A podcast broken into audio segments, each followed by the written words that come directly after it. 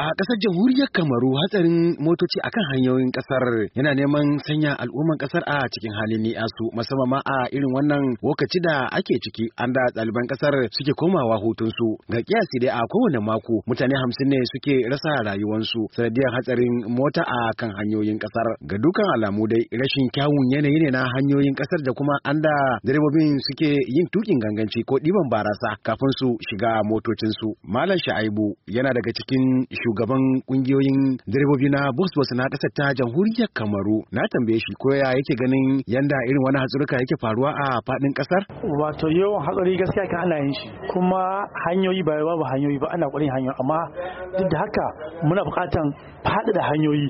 Wato akwai hanyoyin da yake ya riga ya kuku inda yake mu kuma mu a gaskiya yawancin su masa dan laifi na yawan guje-guje. Suna yawan gudu hanya da kuma irin mutane ba a samu masu dan shan dan ƙwaya saboda rashin son baccin dare to shi ma na ƙara taimaka wurin hatsari.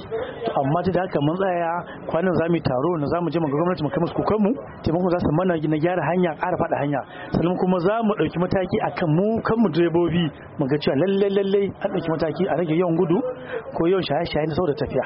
Kuma dare in ya inda ka gaji to ka samu na wuri kai fakin kai bacci. Shi ma malam rabiu muhammadu mai yawan bulaguro ne akan hanyoyin ƙasar ga abin da ya ce. To matsalar da yake faruwa a nan akwai matsalar hanya saboda hanyar kamaru ta kankanta yanzu kuma a koyon motoci. Bayan haka nan kuma direbobin ba sa tafiya a hankali saboda motocin zamani ne yanzu aka samu ba sa tafiya a hankali. Shi ake shi yasa ake samun hatsarurruka akai akai eh gwamnati tana da nata laifin don laifin gwamnati shine ba zai wuce a ce gwamnati ta bar hanya na shekara kusan 25 ko 30 har yanzu su ake amfani da su. Wakilin ministan sufuri na ƙasar jamhuriyar kamaru emmanuel jedo ne shi ma ya nuna irin yadda suke ƙoƙari matuƙa gaya wajen ganin hana irin yadda hatsaruka yake faruwa a faɗin ƙasar.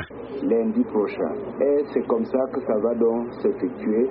Ya ce muna ƙoƙari matuƙa gaya wajen ganin cewa mun saka waɗansu na'urorin ɗaukan foto domin hana wa direbobi yawan guje-guje a kan hanya amma abin yaƙi cintira hatsarin sai karuwa yake yi. Abin sani dai a nan a shekara dubu da goma sha bakwai nan da muke ciki an samu rasa rayukan mutane har sama da dubu goma sha ɗaya da biyu. Kana yawan hatsaruka kuma da yake faruwa na motocin a hanyoyin ƙasar musamman ma a gabashin ƙasar da yammaci ko kudu da arewacin ƙasar sun kai har dubu talatin da tamanin da takwas a yanzu haka. A ƙasar ta jamhuriyar kamaru Muhammad Awal Garba muryar Amurka daga ƙasar Kamaru.